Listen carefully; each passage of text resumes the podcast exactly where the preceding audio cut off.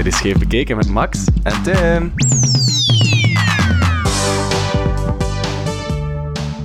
Welkom bij deze alweer bijzondere aflevering van Scheef Bekeken. Want het mag dan wel vakantie zijn. Wij gaan onze academische bril opzetten. We gaan kijken naar queer identiteiten in het heden en het verleden, in het westen en, en ver daarbuiten. En nu klinkt het misschien een beetje alsof we op reis gaan gaan. Dat is niet zo. We hebben gewoon gesproken met uh, historicus Jonas Roeles en onderzoeker Hari Prasad Adhikari Sakre. Ja, en het is, het is misschien niet onbelangrijk om, om toch even deze disclaimer mee te geven.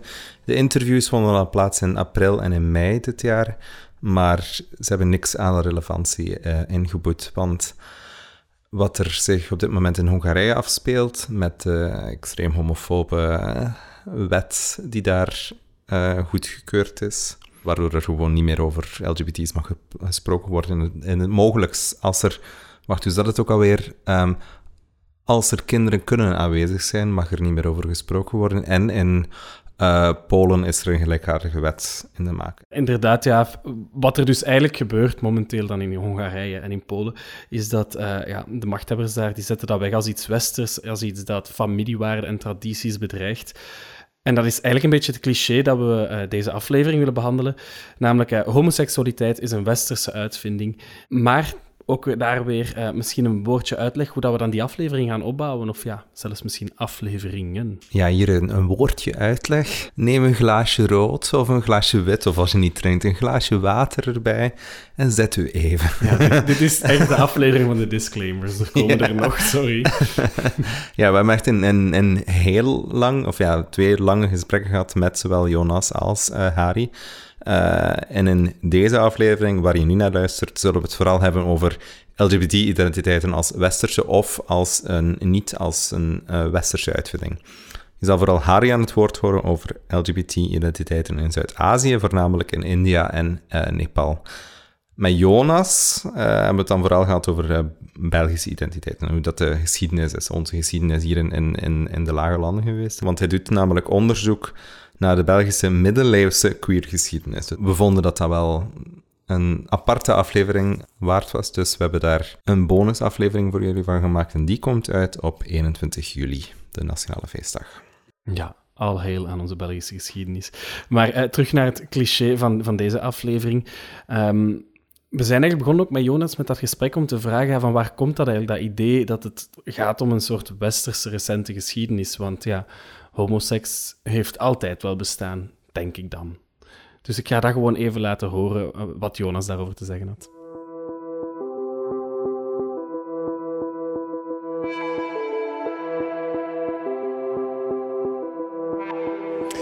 Ga, dat is een beetje dubbel. Hè? Dus het feit dat ik al onderzoek doe uh, over de middeleeuwen bewijst dus enerzijds dat het absoluut geen recente uitvinding is, dat dat een heel lange geschiedenis heeft. Uh, tegelijkertijd is er tussen historici echt heel veel discussie over wanneer begint die geschiedenis van homoseksualiteit nu. Want natuurlijk, homoseksualiteit, zoals wij uh, het onderling begrijpen en de samenleving in zijn geheel, is natuurlijk wel een heel recent begrip. Uh, dat idee dat, we, dat je op iemand valt van hetzelfde geslacht, hetzelfde gender, dat dat een implicatie heeft op je identiteit, op je persoonlijkheid, op je individu. Dat is iets wat dat die middeleeuwers dat ik onderzocht um, niet zouden bevatten. Die hebben een heel andere visie op uh, geaardheid. Hè. Dat bestaat gewoon niet. Hè. Je deelt mensen niet op tussen hetero's en LGBT'ers. Dus men kijkt er anders naar. En historici uh, discussiëren daar dus over, van maar wanneer komt dat dan wel, hè, die, die identiteit en, en die moderne opvatting daarover. En uh, veel van die ideeën zijn eigenlijk nog altijd gebaseerd op Michel Foucault. Dat is een notoir moeilijke, begrijpbare filosoof, dus ik ga daar niet al te diep op in. Maar die mens zei dat hoe dat wij het snappen, of hoe dat wij het opvatten, dat dat eigenlijk een 19e eeuwse uitvinding is. Een, um, het moment dat men begint aan, aan psychologie te doen, dat dat echt een wetenschap wordt, dat je seksuologie krijgt als onderzoekstak, dan is men die identiteiten in categorieën gaan gieten en dan wordt dat echt een identiteit en niet een soort seksuele handeling. Um, nu, daar is er enorm veel over te doen tussen historici. Je hebt er nog altijd categorieën in. Mensen die zeggen, kijk, homoseksualiteit bestaat wel in elke cultuur en in elk tijdsvak. Dat is iets van alle tijden. En dan heb je die sociaal constructivisten die zeggen, ja, dat is toch een soort constructie elke periode, elke samenleving, die geeft op een eigen andere manier betekenis aan homoerotische handelingen, homoerotische verlangens. Dus is het een recente uh, uitvinding of ontdekking alles behalve. Maar um, ja, hoe mensen daar naar kijken, uh, op reageren, dat is, is uh, helemaal anders dan, dan vandaag de dag. Dus in die zin, onze hedendaagse opvatting daarbij is toch wel recent. Ja. Het is inderdaad interessant hoe dat bij ons de idee is gegroeid dat homoseksualiteit iets is uh, wie je bent en niet alleen wat je doet. En in het licht van de recente gebeurtenissen in Hongarije, waar dat Orbán dat soort denken probeert te ontdoen, en hij probeert die homoseksualiteit, identiteit, dus wie je bent, en dat, dat identitair denken, dat wil hij uitwissen. Want volgens hem en zijn kornuiten vormt dat een uh, bedreiging voor gezinswaarde. Ja, toen me ook een beetje denken aan waar we het over hebben gehad in onze nieuwjaarsaflevering, het, het regenpijp-incident Met in de regenpijp, ja, Met dan de partijgenoot van Orbán die betrapt werd tijdens de lockdown op een, uh, een orgie, een homo-orgie hier uh, in Brussel. Jozef Sayer, say his Jozef name. Sayer, ja, nu weten we say his name. Um, ja, maar ik probeerde toen ook al uit te leggen hoe dat voor zo'n man, denk ik, werkt. Hoe, de, hoe dat wij dat zien als hypocriet, maar voor hem, ja wat ik doe achter een gesloten deur is mijn seksuele handeling, maar mijn conservatieve identiteit die primeert, want die, die, die handeling die ik daar deed, dat is niet mijn identiteit. Ik ben geen homo, ik heb gewoon homoseks, kort gezegd. Ja. Um, en ik ga niet zeggen dat dat voor hem een, een gezonde levensinstelling is die, uh, die, die helemaal werkt. Ik vermoed dat hij daar wel uh, mentaal van zal afzien. Bo, ik, Jozef Sayers en psyche, het interesseert me eerlijk gezegd nee, niet. ik denk ook zelf gewoon whatever, ja. Ja, maar... Um, wat me wel interesseert is inderdaad ja, die, die mentale gymnastiek, waar dat, dat vandaan komt. En ook een beetje toch wel uh, voor onszelf ook af en toe be, uh, bewust worden van onze eigen ook aannames en, en hoe dat die gegroeid zijn. En ja, dat is wel belangrijk om dat ook even op, op uit te zoomen en dat ook ergens wel een beetje op losse schroeven te durven zetten. Ja, ik vind het ook echt triestig wat er gebeurt in Hongarije, omdat er, omdat er zoveel kennis verloren gaat en kennisoverdracht en, gesprek, omdat het wordt dus verboden om in de mogelijke nabijheid van kinderen, met andere woorden in het onderwijs zeker, om over holibi en trans-issues te spreken. En ik heb er in het middelbaar zelf zeer veel aan gehad aan die gesprekken. niet alleen wanneer het expliciet daarover ging, maar bijvoorbeeld ook in um, lessen Latijn of Grieks, wanneer we teksten lazen van bijvoorbeeld de zeer uh, bekende Griekse dichteres Sappho hebben gelezen. Dat is een, een, een levensveranderende, levensbevestigende ervaring voor mij geweest. En, en te beseffen dat dat van mij af kon genomen worden door iemand zoals Orban is echt zeer triestig voor mij. Ja, ik ga dat stuk van het gesprek gewoon laten horen, want ja, ik vond het wel markant dat je dat toen allemaal hebt gezegd. En dan achteraf krijg je dan het nieuws horen dat dat in Hongarije gewoon onmogelijk wordt gemaakt.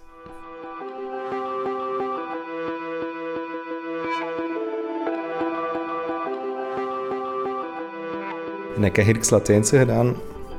En in het vijfde middelbaar zeker was dat. En we Sappho gelezen. Uh, de beroemde lesbische dichteres van like, 20 jaar geleden. En die schreef in een soort in, in, in Dorisch Grieks, wat anders was dan klassiek Grieks. Um, en in één tekst was er een uitgang die in Dorisch anders was dan in klassiek Grieks. En het was door een kleine uitgangsverandering dat je in het klassiek Grieks anders niet kon zien, kon je zien dat de, dat de geliefde over wie dat ze sprak, dat dat een vrouw was. En dat was, dat was één klinkerverschil. Hè. En ik was toen al uit de kast en ik was toen al luid en ik was toen al echt een vreselijk jong kind. Um, maar die ene klinkerij, dat, dat, voor mij viel like, alles in zijn plek. Hè. En sindsdien heb ik alles continu gelezen wat ik me kon te pakken krijgen om maar een soort van een tijdslijn te vinden Um, want ik moest die tijdslijn vinden. En ik, moest, ik vond dat dat like een soort van um, een rechtvaardiging van mijn bestaan was. Dat dat geen modeverschijnsel was. Want ik herinner me, allee, dat werd beide veel gezegd, hè, dat dat een soort van modeverschijnsel was. Ja. En dat is een teken van decadentie. En ja, ja, nu is plots iedereen gay of zo. Dus ik moest like, feitelijk kunnen zien uit het verleden dat dat geen waar was. Dat is super interessant dat je dat zegt. Want veel van die uh, onderzoeken die dus ja, die gay studies, die queer studies, die starten zo in de jaren 1980. En dat zit volledig vervat in die emancipatiebeweging. Ehm, en dat is wel een beetje de drive op dat moment. Van we willen die tijdslijn schetsen, zoals gezegd. En ik wil, wil weten waar en wanneer. Ehm, en ja, dat is wel nog wat dubbel, omdat... Um, ja, dat leeft tot op vandaag de dag. Hè. Als je zo googelt van queer people in history of famous gays around the uh, zo dat, dan, dan moet ik mijn studenten er ook vaak op wijzen van ja, maar zo evident is het niet. Um, en dat deden die eerste onderzoekers natuurlijk ook. Hè. Kijk eens naar uh, de fabelachtige werken van Michelangelo, die vielen op, op jongens en mannen. Zo slecht kan dat toch niet zijn, als zo iemand het was. Hè. Dus dat, dat zit heel hard, zo de, de schattenjacht. Alexander de Grote. Voilà, voilà. Dus, dus je kent allemaal dat lijstje. Hè. Zo die schattenjacht van beroemde, beruchte mannen die als nobele voorvaderen dienen. Hè. En, en dat is logisch. Hè. Um, je ziet dat bijvoorbeeld vandaag de dag opnieuw. Hè. Dus, dus uh, nu is er een nieuw luik binnen die, die queer geschiedenis. Dat gaat nu heel hard richting de uh, trans history. Uh, omdat we zijn ons meer en meer van bewust van, kijk, uh, dat hele binaire gedoe tussen man en vrouw, uh, dat is ook geen recente ontwikkeling. Uh, ook als je in het verleden kijkt, zie je effectief mensen die zich niet oké voelen met een toegewezen gender. Um, maar ook daar is het vaak niet zo eenzijdig, of, of is, is er niet noodzakelijk echt een, een lijn te trekken met hoe we er vandaag de dag naar kijken. En ook daar vind je dan, dan in het jargon wat men dan transcestors noemt. En ook daar moet je dan studenten soms op wijzen van... Um, dat is, ik, ik vind dat soms dubbel, want ik wil die mensen natuurlijk niet hun emanciperende kracht ontnemen of zo. Maar ja, is, geschiedenis is, is bijzonder complex en moeilijk. En ja, er is binnen, die, binnen dat veld nog altijd vrij veel discussie over.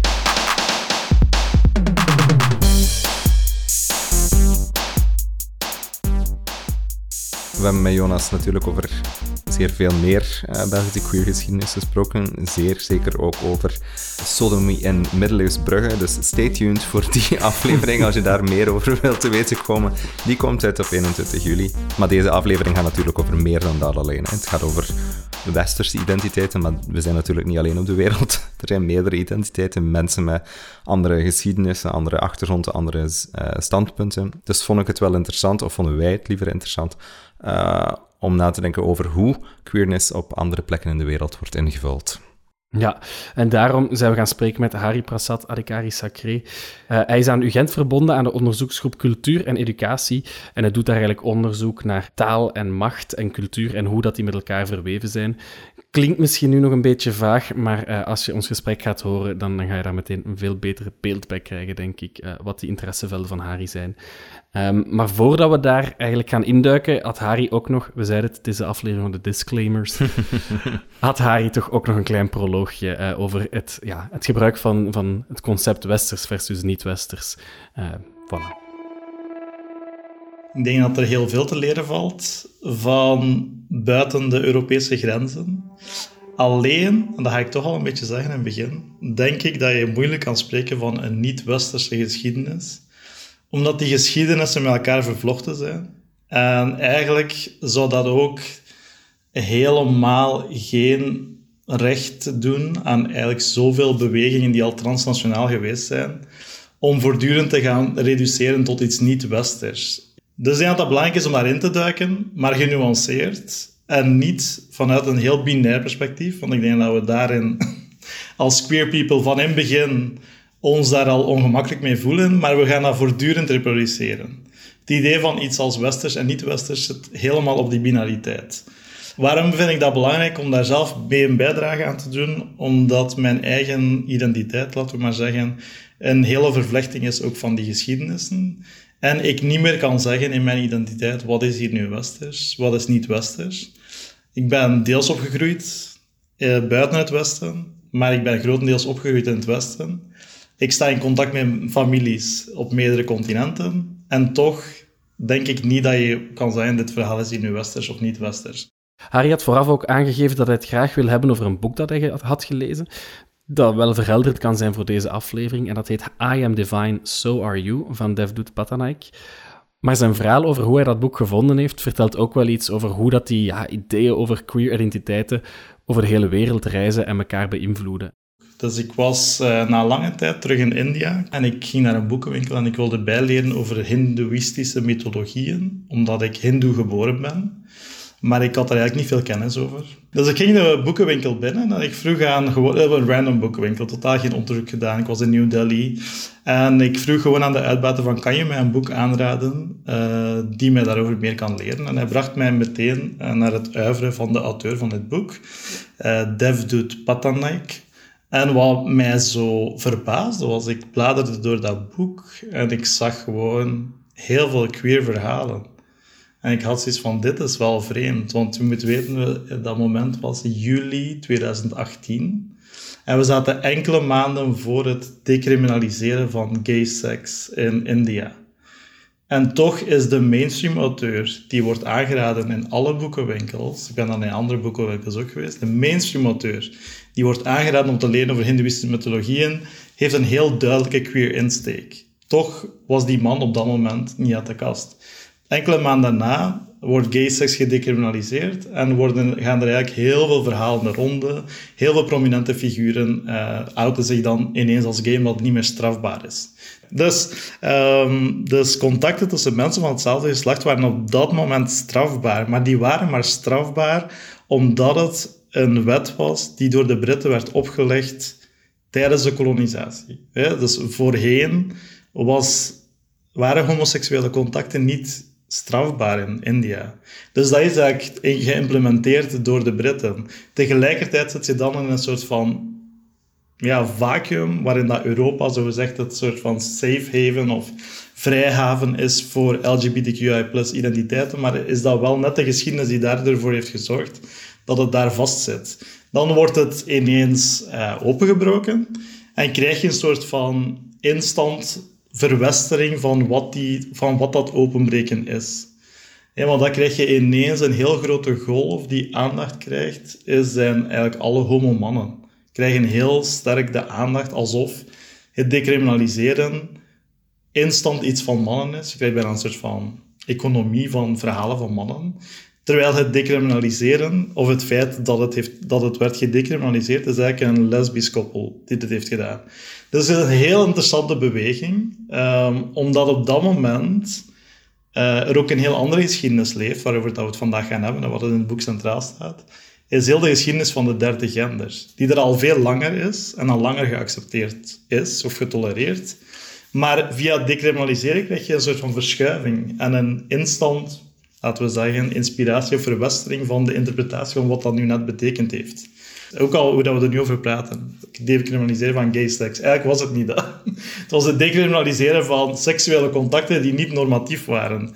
Tussen uh, mensen van hetzelfde geslacht, maar ook tussen mensen uh, met de derde gender en andere geslachten. Misschien is het ook even belangrijk om terug te keren naar dat boek want dat is echt een, centraal deel in betoog. Waarover gaat dat boek precies? Het boek heet I Am Divine, So Are You. En het kijkt naar queer realiteiten en geschiedenissen in karmische samenlevingen. Karmisch als in uh, samenlevingen die gebaseerd zijn op karmische religies. En het gaat die ook in perspectief zetten tot Abrahamische religies en hun samenlevingen Um, in specifiek spreken we dan Abrahamische religies, samenleving over christendom, islam en jodendom. Wat al interessant is, denk ik. Vaak gaan we in deze context iets kijken van het christendom versus islam. Maar eigenlijk zet dat boek die twee aan dezelfde lijn. En zet, daarop, zet daar tegenover de karmische religies, zoals boeddhisme, hindoeïsme, um, sikhisme. Oké, maar wat ik me dan afvraag is, wat is dan het verschil tussen die Abrahamische en die karmische godsdiensten? Het basisverschil ligt hem in het feit van de schepping. Dus in een Abrahamische religie is er één God en die heeft de wereld geschapen op een bepaalde manier. Er is een soort van normativiteit die heerst, waartoe iedereen zich moet verhouden, want zo is de wereld geschapen. Dat is een heel eenvoudige interpretatie. Bij de karmische religies is er geen begin en geen einde. Er is, bestaat niet zoals de schepping. Er bestaan alleen heel veel goden, heel veel verhalen en alles is gebaseerd op de wedergeboorte. Dus alles wat hier nu gebeurt, is een, houdt een verband met het verleden, met een vorig leven, in uw, een vorig moment in uw eigen leven. Dus dat is een heel het andere idee dat in die karmische religie centraal staat. Waardoor dat de normativiteit niet per se in een soort van ideaalbeeld ligt, maar meer in de continuïteit tussen die verschillende cycli. Harry vertelde al dat die verhalen en mythes uit de karmische godsdiensten voor hem heel queer aanvoelden. En we hebben hem dus ook gevraagd ja, wat daar dan zo queer aan was. Ja, ik zal zeggen dat ze niet enkel queer aanvoelen, maar iedereen die ze zal lezen, zal weten, zal gewoon meteen een beetje verschieten van is dit mainstream hindoeïstische mythologieën? Het gaat over een prins die verbannen wordt en die zijn mannelijkheid ontnomen wordt en die, wordt, die gaat overleven als een travestiet. En gaat dan eigenlijk in het volgende verhaal als travestiet liefde bedrijven uh, met een um, andere prins. En die soort verhalen zijn wel interessant. Ook heel veel verhalen gaan over uh, vrouwelijke warriors, vrouwelijke godinnen die naar de aarde komen als strijders. En die in die soort van mannelijke energie ook een soort van vrouwelijke partner willen gaan zoeken. En je hebt dus ook heel veel strijdsters uh, in die verhalen die een vrouwelijke partner gaan aannemen. En dat is wel heel boeiend, dat die soort van idee van binaire gender daar niet in bestaat. Van waar komt dat? Dat komt eigenlijk van het idee dat veel goden genderbinair zijn, genderfluide. Dus je kan van één gender naar een ander gaan, dat is niet zo vreemd. Dat werkt voor de goden, maar telt dat dan ook voor mensen op straat? Gaan mensen dat dan zomaar in mee of zo? We gaan echt een verschil moeten schetsen tussen mythologie en realiteit. Mythologie wil ook niet, dat is niet een, uh, ik zou niet enkel zeggen dat het een cultureel verleden is, maar het is echt een spirituele betekenisgeving. En in de spirituele betekenisgeving staat er dus inderdaad geen limiet op die fluiditeit. Goden kunnen veranderen van gender, mensen kunnen van dezelfde gender kunnen liefde met elkaar bedrijven, dat kan allemaal. Uh, maar dan moet zich dat vertalen in de praktijk. En ik denk dat daarvoor de case van de derde gender wel een interessant uh, case is om dat te leren begrijpen. Dus heel het idee in, in Hindoeïsme is dat de wedergeboorte centraal staat. Dus je moet een soort van. Uh, je, kent ook, je bent ook wel verwant waarschijnlijk met het kastensysteem, algemeen wat het betekent. En om die kasten zijn een soort van klasses, waarin dat je samenleeft. En elke bijna jobcategorie heeft zijn eigen klasse, kasten, laten we maar zeggen. En om daarin te passen als queer persoon moet je ook in die kastenlogica kunnen overleven. Want die kasten is de gemeenschap. Een kast is een gemeenschap. En dus de derde gender, en de, de voornaamste voorbeeld dat mensen in het Westen kennen, zijn de Hijra. Uh, dat is een groep van derde gender, dat is eigenlijk een kaste. En die kaste be, heeft het doel om eigenlijk die groep te laten overleven als een sociaal-cultureel of politiek entiteit. Die mensen die worden natuurlijk niet geboren in die kasten. Dat is een kaste die op een andere manier zich vormt. Die vormt door mensen die worden uitgestoten of daaruit vertrekken. En in de praktijk denk ik, en daarmee wil ik weer de link maken met, ja, we gaan niet zo, we moeten niet westers, niet westers tegenover elkaar zetten, want er zijn iets dat we daaruit begrijpen is hetzelfde over hoe dat homoseksualiteit vroeger in deze contraien, hoe daar werd mee omgegaan. Mensen hadden ofwel de, de keuze om naar kloosters te gaan, of ofwel om die seksualiteit centraal te zetten. Oftewel een spiritualiteit, ofwel een seksualiteit. Dat is ook zo in de karmische religies. Ofwel die mensen gingen heel vaak, nou, die werden monnik, uh, die gingen ze hun leven wijden aan eigenlijk de spiritualiteit beleven. Maar de andere groep, en daarin passen de hijra, dat zijn de mensen die die seksualiteit voorop stellen. Die niet die spiritualiteit per se zien als een soort van overlevingsvorm, maar in die seksualiteit. En dan krijg je natuurlijk iets dat heel herkenbaar is, is eigenlijk het overleven via sekswerk het gedwongen worden tot overleven in sekswerk, um, het geseksualiseerd worden. En, en dat is iets waar dat we te veel um, romantisch over doen. De hijra kunnen ook overleven door uh, blessings te geven op ceremonies. Maar dat is natuurlijk zo'n klein idee van hun bestaan, dat dat niet weerhoudt dat zij vaak in sekswerk worden gedwongen. En dat dat vaak de realiteit is waarin ze leven. Je hebt misschien al eens foto's of beelden gezien van de Hijra-gemeenschap in India. Ze worden vaak geduid hier als, als de transvrouwen van India, maar volgens Hari is dat iets te kort door de bocht. Boeiende bij de Hijra-identiteit, we, denken dat dat, we denken dat dat is zoals transgender, maar dat is niet. Dat heeft ook een regionale scope. We zitten in Noord-India en de grens met Pakistan. Enkel daar is het concept van Hijra een valabel concept. En de rest van India heeft dan een andere naam. En heeft dat dus ook weer een andere betekenis van wie dat ertoe behoort. Interessante bij het concept hijra is eigenlijk dat er een soort van... Doordat dat op die grensstreek zit, hebben ze ook een eigen taal ontwikkeld. Een taal die Hindi en Farsi mixt, die een kaste is binnen Hindoeïsme, maar de mensen uh, die zich als derde gender uh, verbinden aan de Hijra community, nemen vaak een islamitische naam aan omdat het op die verbinding zit tussen Pakistan, India, die talen. En dat is net heel boeiend. Ik denk dat die kruisbestuiving en die identiteit als een soort van vignet heel boeiend is over hoe iets werkt. Het is niet zo rechtlijnig dat er zoiets is als een derde gender over heel India, dat dan allemaal op dezelfde manier wordt ingevuld. Derde gender is een categorie die ook betekenis krijgt van de personen die zich daar vaak historisch hebben in gemanifesteerd. Als jij naar Nepal gaat, ben van Nepal, dus laten we dat even benadrukken. Als je naar Nepal gaat en je gaat uh, een visa on arrival aanvragen, dan ga je een formulier krijgen waarop drie genders staan. En dat heeft dus te maken met heel de geschiedenis die er is. Die groep heeft een soort sociale gemeenschap, een culturele gemeenschapsidentiteit, maar ook een politieke identiteit gekregen. En van, vandaar dat ik dit zo'n interessante discussie vind. In Nepal gaat de discussie al lang niet meer over gaan we dan een derde gender. In Nepal gaat de discussie over dat ze de derde gender limiterend vinden en dat ze eigenlijk willen dat er iets bestaat als een soort van derde gender categorie, maar dat je daarbinnen ook nog kan gaan differentiëren. Daarover gaat de discussie op dit moment in Nepal. En dan denk ik, als je dan kijkt naar Europa, dan moet je wel gewoon beseffen dat op dat vlak hier gewoon nog geen debat is. Maar ik vroeg me dan ook af, bestaat er een aparte kaste voor mensen zoals wij? Cis-gay mannen? Ja, dat is waar Nepal en India op dit moment zo controversieel en zo moeilijk ligt. Is omdat um, bijna, je moet een soort van identiteit gaan produceren die kan overleven binnen een kastensysteem. Dus je moet die homo- of die lesbienne identiteit productief gaan maken. Want die kan zich niet voortplanten. Dus die kan in dat kastensysteem die flow tussen die wedergeboortes niet waarmaken. Dus hoe kun je dat oplossen? Dus daar ligt die hele um, grote schroom van heel veel gays om uit de kast te komen, is omdat er geen toekomst is in, die soort, in dat soort verhalen ideeën. Is er geen toekomst. Dus vaak als uh, homo's uit de kast komen in Nepal, dan denken heel veel moeders dat ze uit de kast komen als derde gender.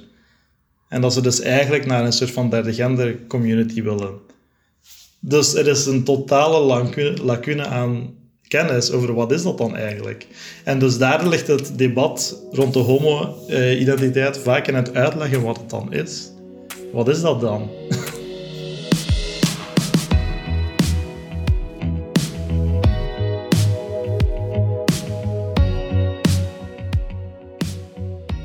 Dus om op uw vraag te antwoorden, ja, er is geen kasten voor. Maar is er dan geen enkele manier om als, als homo-man of als lesbische vrouw een, een, leven uit te bouwen? Of is dat dan onmogelijk omdat er geen kasten is om je toe te verhouden? Dat zijn wel vragen die mij, die mij heel erg bezighouden, ook tijdens dat gesprek. Ik ga die vraag antwoorden nu specifiek over de homo-identiteit, omdat ik daar dan toch iets dichterbij sta.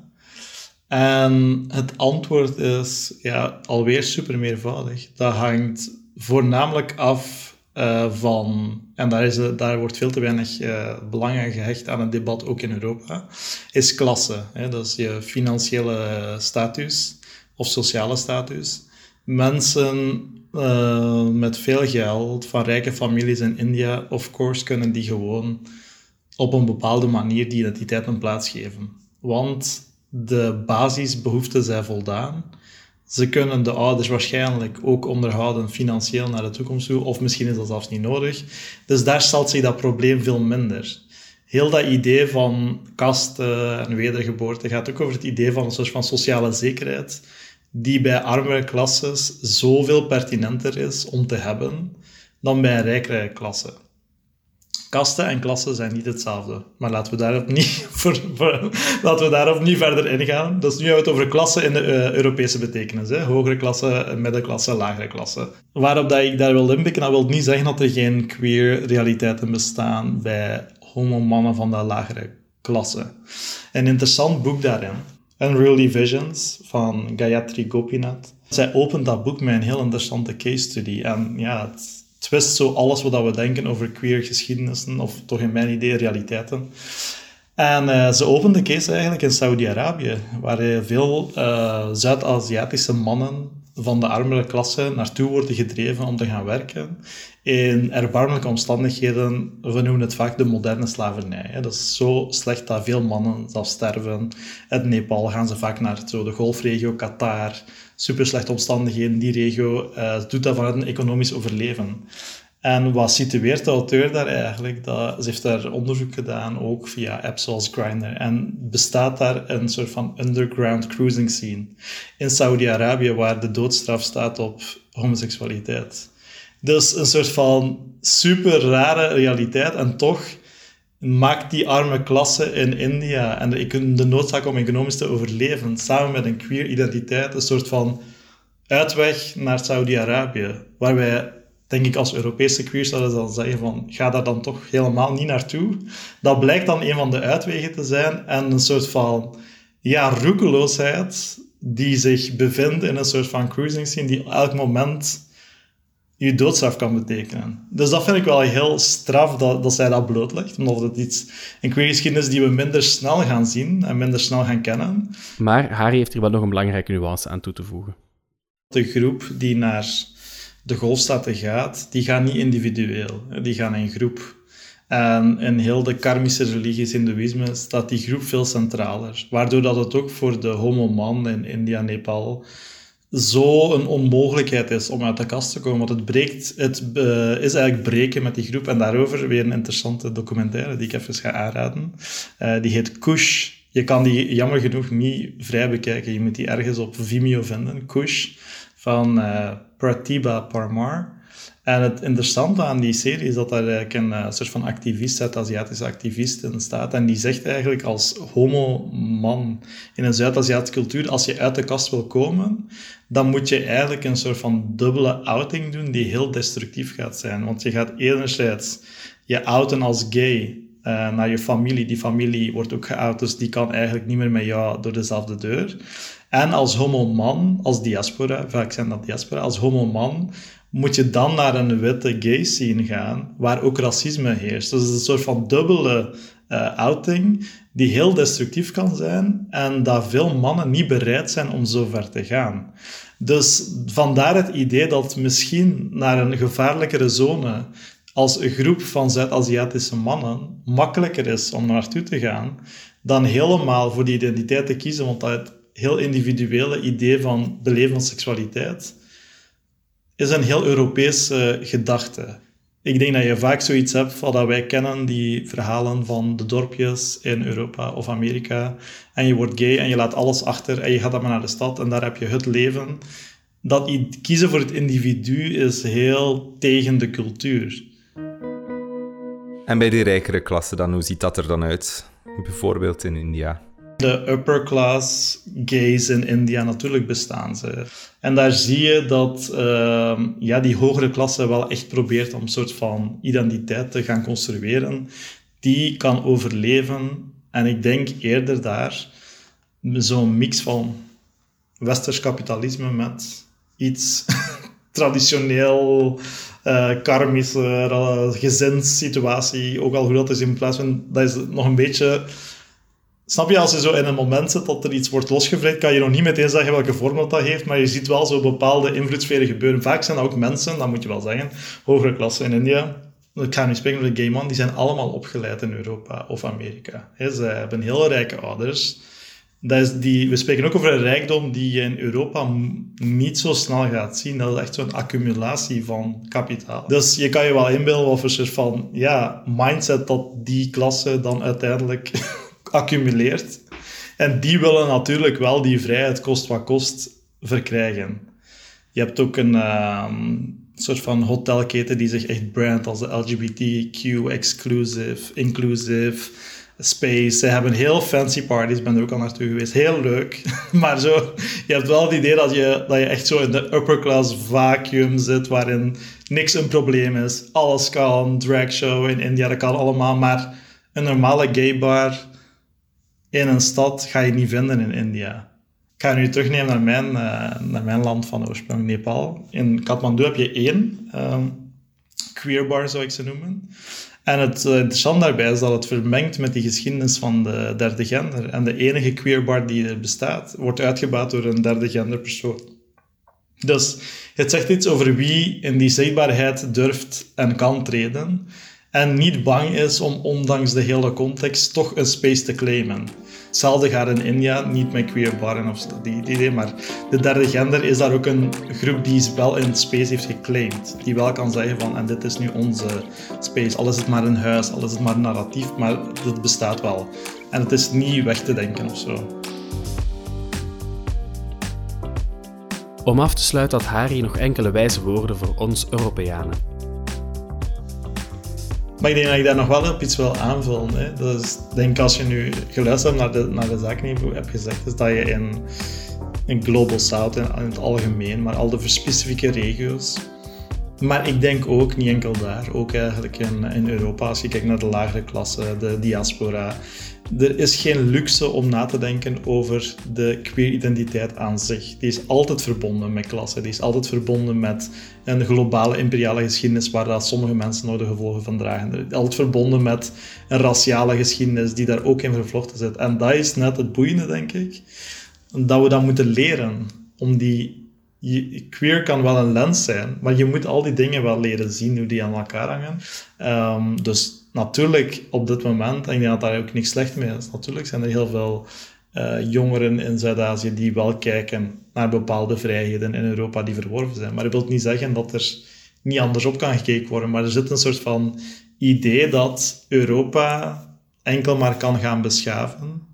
en dat iedereen maar moet leren van hier. Terwijl als je dan kijkt naar de pure eh, ja, wettelijke kaders die in Nepal zijn rond de derde gender, dan denk ik, ja, maar er is evenveel een case te maken dat Europa daarvan heel veel kan leren, maar dat gaan we minder zien. We gaan niet zien dat Europa zegt, oh, we gaan eens een studie gaan uitvoeren naar hoe de derde gender daar zit en hoe wij dat kunnen implementeren. En die soort van um, nederigheid, die zit er veel meer bij die regio's buiten Europa dan in Europa zelf. Alsof het hier dan maar allemaal zo is. En ik denk dat in Europa een van de grootste uitdagingen is. En dat zien we dus ook in de andere deel van de wereld, is met die idee van economie en klasse. Een bepaal, je kan die identiteit beleven, maar ook maar alleen omdat je een soort van tot de middenklasse behoort en er een vrijheid is rond die identiteit. Ik denk als je maar elke dag in armoede leeft, gaat die vrijheid daar ook niet zomaar zijn. Denk maar aan hoe je maar gaat gaan daten en welke verwachtingen erover zijn en hoe mensen kijken naar jou. Ik denk dat daar niet zo heel veel verschillend zijn. Ondanks dat we denken dat je in Europa dat allemaal kan, zijn er heel veel groepen die hier die vrijheden niet zo bezitten.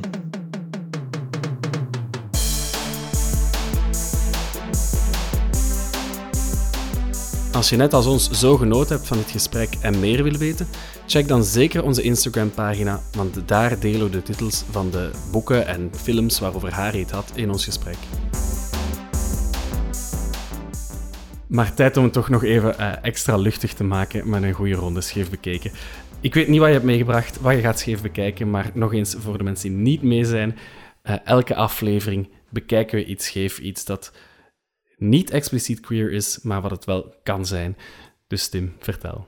Ja, nu kom je toch van een kale reis thuis, want het is toch weer over kennisgaring dat ik het zal hebben. Oeh, Sorry. kennisgaring. Foucault, bring it on. Wel, dat is een beetje de light versie, zeg maar. Um, Misschien kan ik beginnen met een vraag te stellen. Wat is het eerste dat je doet als je iemand opzoekt op Wikipedia? Welke sectie kijk je dan eerst? Hmm.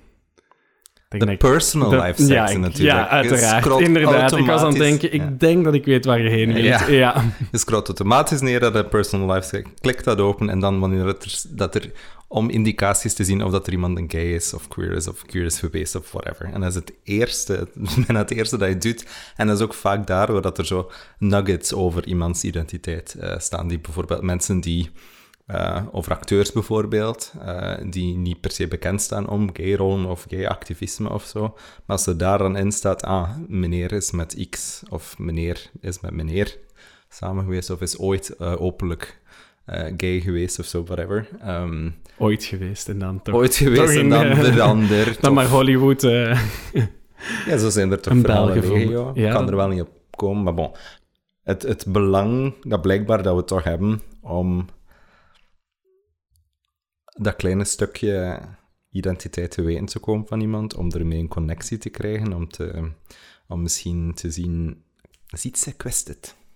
Ja. Dat, dat soort van die Ja, herkenning en die herkenning. Ja. ehm, ehm, ah, ik had geweten, hè, van die kleine indicaties die, die, die bekende mensen of die bijvoorbeeld muzikanten of auteurs of eh, kunstenaars, die je kent en altijd graag hebt gezien en nooit goed geweten hebt waarom dat er precies die connectie was. En dan als je dat ziet in de personal life, denk je van, ah yes, Ja, of dat is het iemand, reden. Als het iemand super knap is. Ook al. Dan, Dan, wil dan, je dan, het ook even weten, ja. En dan denk je van, yes, ik heb toch een kans. Ja, ja, voilà, inderdaad, om dat te weten. Ik heb toch een kans om met die miljonair ergens in de VS die mij nooit gaat zien of zo. Ja, dat de nul kans een 0,00005 kans is Eh, geworden. waterkansen zijn waterkansen. Heel mooi. Nee, herkenbaar. Ik eh, kijk er ook wel naar. En ook wel rechts eh, staat er ook wel meteen als ze getrouwd zijn of wie de ex-partners zijn. Dan kan je ook wel direct weten van, ah, het zijn vrouwen. Maar bon, kan ook. Ik kan daarna omgekeerde richting. Er zijn ook... eh, Het kan allemaal tegenwoordig, kan Max. allemaal. Je moet het zo gek niet bedenken. Het, is, het, is, het staat op zijn kop, zal ik het je zeggen. En het is maar best dat het op zijn kop staat, best. Mhm. En ook wel leuk in die personal life section. Soms staat er niet expliciet, maar kan je wel tussen de lijnen doorlezen. Dat is al voor de gevorderde Wikipedia-lezers. Ja, het is een beetje natuurlijk triest, maar vaak eh, sterfdatums, sterfdata. Mm. Ehm, vooral, er is bijvoorbeeld een, iemand die ik echt zeer fascinerend vind, waarover dat er zeer weinig eh, informatie te vinden is, eh, was Baron Lambert van de BBL vroeger. Dat is de voorganger van ING, je bent nog te jong om dat te weten. Nee, maar ik ken het Eh, ING-gebouw in Brussel wel. ja, en dat en- heeft die neergezet, toch? Ja, en dat was een zeer belangrijke persoon. Ehm, die heeft, denk ik, Foucault nog gekend in New York. Die was een van de jetsetters in New York. En dan is zij personal life, eh, nooit getrouwd geweest. eh, zeer lang als happy single geleefd, overal in New York, gejetset. Eh, en dan is hij eind jaren tachtig terug naar Brussel gekomen en hier eh, eenzaam gestorven. Ja. Ehm, ja, Connect the dots. Om Ja. het even ongevoelig te zeggen, maar... Dat staat, ik weet nu niet of dat op die Wikipedia expliciet staat, maar ik heb er dan naar gezocht. En het... Ja, hij zou gestorven zijn aan ehm, complicaties na AIDS. Mhm. Dat is dan nergens expliciet mm, geschreven en gedrukt. Ik denk in één biografie heb ik dat gelezen. Of ja, een soort van online biografie. Ehm, maar dat zijn soort van de, de indicatoren ook dat je... Ja. Want dan wordt het wel een beetje triest in ja, natuurlijk. inderdaad. Maar ik had, het, had u wel gewaarschuwd, hè, dat het niet zo lichtvoetig ging zijn. Dus Aha. het is, het, het is met een lach en een traan. Dus eh, vroege sterfdata in de jaren 80 en 90. Zijn Ja, voor mannen in die actief waren in de kunstwereld, in, vooral in de VS staan, is Ja. dat een zeer eh, belangrijke indicator. En dat is iets, zijn een weggever voor de Wikipedia Gaydar. ja, jammer genoeg. Hè. Pretty dark. Om mee te eindigen, maar kijk. Volgende keer, 21 juli, Nationale Feestdag. Dan komt die speciale aflevering uit met het volledige gesprek met Jonas Woelens. Tot dan. Tot dan.